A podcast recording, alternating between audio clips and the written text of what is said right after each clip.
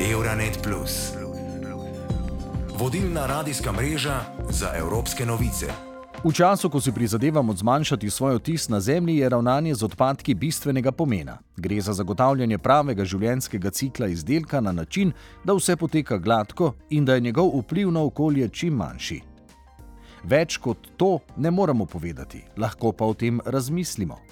Pri strupenih in nevarnih odpadkih je zato potrebno biti še pozornejši, saj so leti poleg tega, da so škodljivi za naravo in ljudi, bolj zapleteni za ravnanje.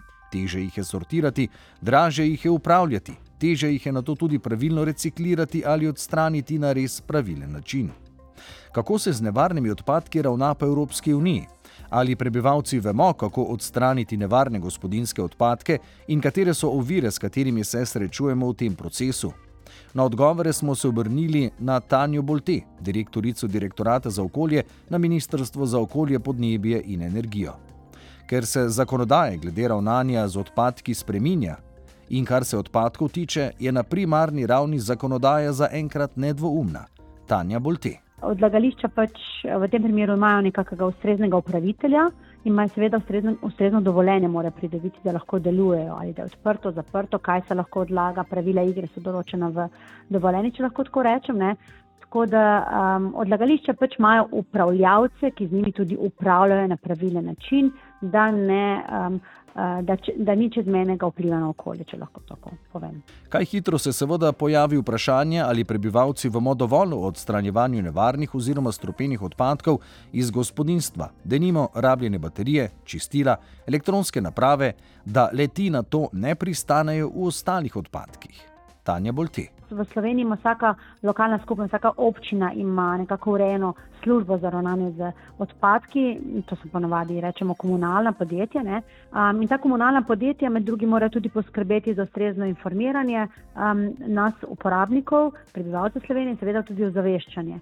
Pred leti so bile tudi določene brošurice, tako naprej, tako da smo vedeli, kam odlagati, kako z biološkimi odpadki, kaj gre v rumen zabojnik, v modr zabojnik, v črn in v rjav zabojnik. In le tako s pravilnim ločeno zbiranjem odpadkov lahko tudi odpadek dovi primerno mesto, bom rekla, in ga primerno tudi uporabijo, ponovno uporabijo ali pa predelajo na primeren način, ker ni onesnaženo z drugimi odpadki, če lahko tako rečem. Kljub temu pa se ob vsej organiziranosti in zakonodaji še zmeraj najde preveč nezakonitih in divjih odlagališč. Tanja Bolte. Po občinah smo izvedli popise, kje ta odlagališča so in pripravimo tudi nekako zakonsko podlago v zakon o varstvu okolja, ki, kako, na kakšen način takšna odlagališča sanirati um, in kako izvajati kakšne ukrepe, kdo, je, mislim, kdo bo to financiral in na kakšen način se bo to saniralo in pa prioritete glede tega. Kajti zelo pomembno je, da pač odstranimo tiste odlagališča, ki so najbolj kritična, rekla, ki so najbolj kritična, ker imajo vplive na okolje ali na podzemno vodo ali pa karkoli drugega. Ne. Tako da tukaj bo strani ministrstva narejena prioriteta, metodologija in potem metodologiji bo pripravljen program dela, na podlagi katerega se bodo ta odlagališča tudi začela sanirati. A eno je zakonodaja, drugo pa upoštevanje. Prevečkrat so le kazni tiste, ki učinkujejo, pravi Boltetova. Nekaj je tudi na kaznih, konc koncev, nažalost, smo ljudje takšni, da pač če enkrat pa, pla, plačamo kazen, potem mogoče malce drugače razmišljamo. Vsekakor pa je ključno tudi informiranje javnosti, da vemo, prebivalce, da vemo, kaj s tem početjem delamo. Ne? Nam in, prete, mislim, in prihodnim rodovom ne? in pa pač sami naravi, bom rekla. Ne? Kljub temu, da mislimo, da se to zlije nekam, da pač ničesar ne bo, to vsekakor ni resno. Količina poslanih nevarnih odpadkov znotraj in zunaj Evropske unije se je med letoma 2001 in 2019 več kot podvojila na 8,1 milijona ton, še kažejo najnovejši podatki Evropske komisije. Okolikor pa imamo državljani seveda kakšne pomisleke ali vprašanja, pa imamo pravico in tudi dolžnost kontaktirati lokalna komunalna podjetja. Seveda pa velja trikrat premisliti, preden karkoli potencialno nevarnega zlijemo ali odvržemo v naravo. Leta 2018 so države Evropske unije proizvedle 102 milijona ton nevarnih in strupenih odpadkov, kar je 26 odstotno povečanje v primerjavi z letom 2004 in to kljub že veljavni zakonodaji, ki omejuje njihovo proizvodnjo. Poleg tega se več kot 50 odstotkov nevarnih odpadkov v Evropski uniji še vedno enostavno odstrani brez možnega recikliranja. Glavne vrste nevarnih odpadkov so mineralni in strnjeni odpadki, kemični in medicinski odpadki vendar se nekaterim odpadkom ni mogoče izogniti. Kljub temu bi jih bilo treba prednostno reciklirati, je pripričan Nikola Miladinov iz predstavništva Evropske komisije v Bolgariji. So vseeno pazvane na človeško zdrave, regulacije imati dolgoročne cel. Zraven varovanja zdravja ljudi imajo predpisi Evropske unije o odpadkih dolgoročni cilj doseči ničelno strupenost v okolju. Manj proizvedenih kemikalij bolj prispeva k boju proti podnebnim spremembam. Le 38 odstotkov odpadkov v Evropski uniji se reciklira. Statistični podatki namreč kažejo, da vsak od nas proizvede povprečno 5 ton odpadkov na leto. Cilj politike krožnega gospodarstva Evropske unije pa je preventiva: spodbuditi industrijo, potrošnike in trgovino, da dolgoročno sploh ne bi proizvajali odpadkov.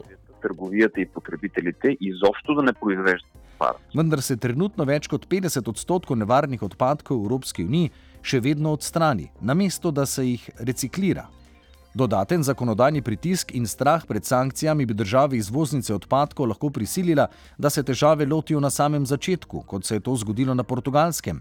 Manuel Simoeš, generalni direktor podjetja EcoDeal, enega izmed operaterjev, ki ravnajo z nevarnimi odpadki na portugalskem, razlaga, kako se je začelo ravnanje z nevarnimi odpadki na portugalskem pod pritiskom Evropske komisije. Isto começa em 2000, no, no início de 2000. Začne se na začetku leta 2000. Portugalska ni imela nadzora nad nevarnimi odpadki, ki so obstajali na portugalskem, in država je tvegala, da jo bo Evropska komisija kaznovala, ker ni bila samo zadostna pri obdelavi nevarnih odpadkov.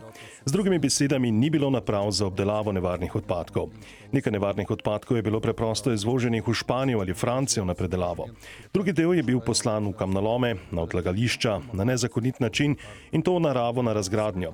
Leta 2002-2003 se je Portugalska odločila posredovati in ustvariti model ravnanja z nevarnimi odpadki, ki obstaja še danes in za katerega menim, da je eden najnaprednejših modelov na evropski ravni. E que eu considero que é um dos modelos mais avançados a nível europeu. Medtem ko se nekateri organi trudijo, kdo bo plačal račun, drugi s tem služijo denar. V Italiji so mafijske mreže razumele zapletenost in izzive ravnanja s strupenimi in nevarnimi odpadki, ter se odločile ustvariti donosen dobiček tako, da bi se namesto države one znebile teh nezaželenih in zato dragih odpadkov.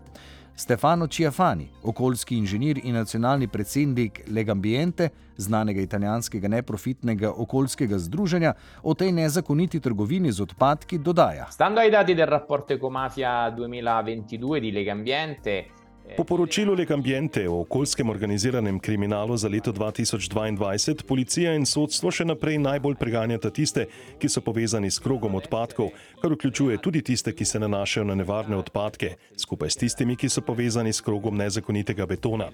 V letu 2021 je bilo pri nas odkriti skoraj 8500 kaznovanih dejanj v verigi odpadkov. Dobavna veriga je tista, kjer smo našteli največje število aretacij. Prav tako pa je kriminal v zvezi z odpadki tisti, ki povzroči največje število zasegov. To potrjuje, da sta nezakonit cikl odpadkov in cementa tista cikla, v katera so najbolj upletene kriminalne združbe, tudi zato, ker takrat ni bilo nič tvegano, v bistvu ste storili kaznivo dejanje, zaslužili veliko denarja in niste ničesar tvegali.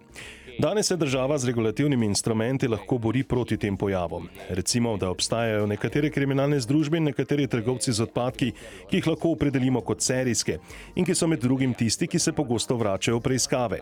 Nekateri so pravi strokovnjaki, ki se težko vrnejo na legalno stran, ker imajo dobro strukturiran postopek, pa čeprav nezakonit. To ne velja samo za Južno Italijo, ampak tudi ponekod v severni Italiji. per metà del fenomeno, le quattro regioni a tradizionale presenza mafiosa, ma ormai è un fenomeno che riguarda un po' tutto il paese. Bolj ko so odpadki nevarni, draže je njihovo zakonito odlaganje in bolj so zanimivi za hudodelske združbe, dodaja Čiafani. Preventivno ukrepanje je torej bistvenega pomena, da se prepreči posredovanje šele potem, ko je bil okoljski zločin že storjen, vendar niso vse italijanske agencije opremljene za to. Leta 2016 je italijanski parlament soglasno potrdil zakon o vzpostavitvi nacionalnega sistema varstva okolja za standardizacijo preventivnega nadzora po vsej državi. Vendar odloki, ki bi izvajali ta zakon sedem let kasneje, še zmeraj niso bili potrjeni. Podobno je v mnogih državah članicah. Čeprav so države članice prenesle nove, strožje zahteve Evropske unije v nacionalno zakonodajo, se pogosto srečujejo z izzivi pri njihovi uporabi, zlasti glede sledljivosti nevarnih odpadkov in prepovedi mešanja odpadkov, saj lahko ustvarjajo dodatne nevarne snovi, ki prvotno niso prisotne in ali onesnažujejo odpadke, zaradi česar niso primerni za recikliranje. Če obstaja prostor za izboljšave, je v nekaterih državah že nekaj novega upanja. Saule Dekjete, višja svetovalka skupine za politiko ravnanja z odpadki Ministrstva za okolje v Litvi, pravi, da je vse manj primerov, ko se litovci nepravilno znebijo škodljivih odpadkov, saj se vse bolj zavedajo pravil za odstranjevanje strupenih odpadkov. Tudi podjetja postajajo bolj ozaveščena in med seboj delijo dobre prakse. Mes manome, kad pasitaiko vis mažiau ir iš gyventojų apklausų, kurias vykdome. Mislim, da je primerov če dalje manj. Iz raziskav, ki jih izvajamo občasno, lahko vidimo, da se zanimanje in ozaveščenost res povečujeta. Prebivalci se včasih tudi učijo drug od drugega, kako se obnašati in kam pravilno odlagati odpadke, ter tudi ustaviti nepridi prave. Morda, če še vedno pride do nepravilnega odlaganja, je to veliko krat posledica nevednosti. Na nove načine poskušamo doseči tiste, ki tega še ne poznajo. Vendar tega ne vidimo kot zlonamerno ravnanje stanovalcev. Tisti kupi, ki jih vidimo v gozdovih, so lahko tudi poslovni, majhni ali veliki. Vidi se, da je bilo odloženih veliko odpadkov od podjetij. Zagotovo ne vsa podjetja, saj se tudi med podjetji ozaveščenost že povečuje. A se veste, kdor ne pozna drugih možnosti, rešuje probleme na svoj način. Pareklamuojama tarpusavį, tai tikrai džiaugiamės ir dėl gyventojų, ir dėl verslų. Ozaveščanje pomeni, da morajo sodelovati vsi, tako državljani, država, upravljavci odpadkov in podjetja. Kdaj začeti? Danes, tukaj in zdaj. Euronet Plus Green Deal podcast nastaja v okviru projekta Euronet Plus. Več oddaj lahko slišite na portalu 365 RTV Slo pod zavihkom Euronet. Euronet Plus za boljše razumevanje Evrope.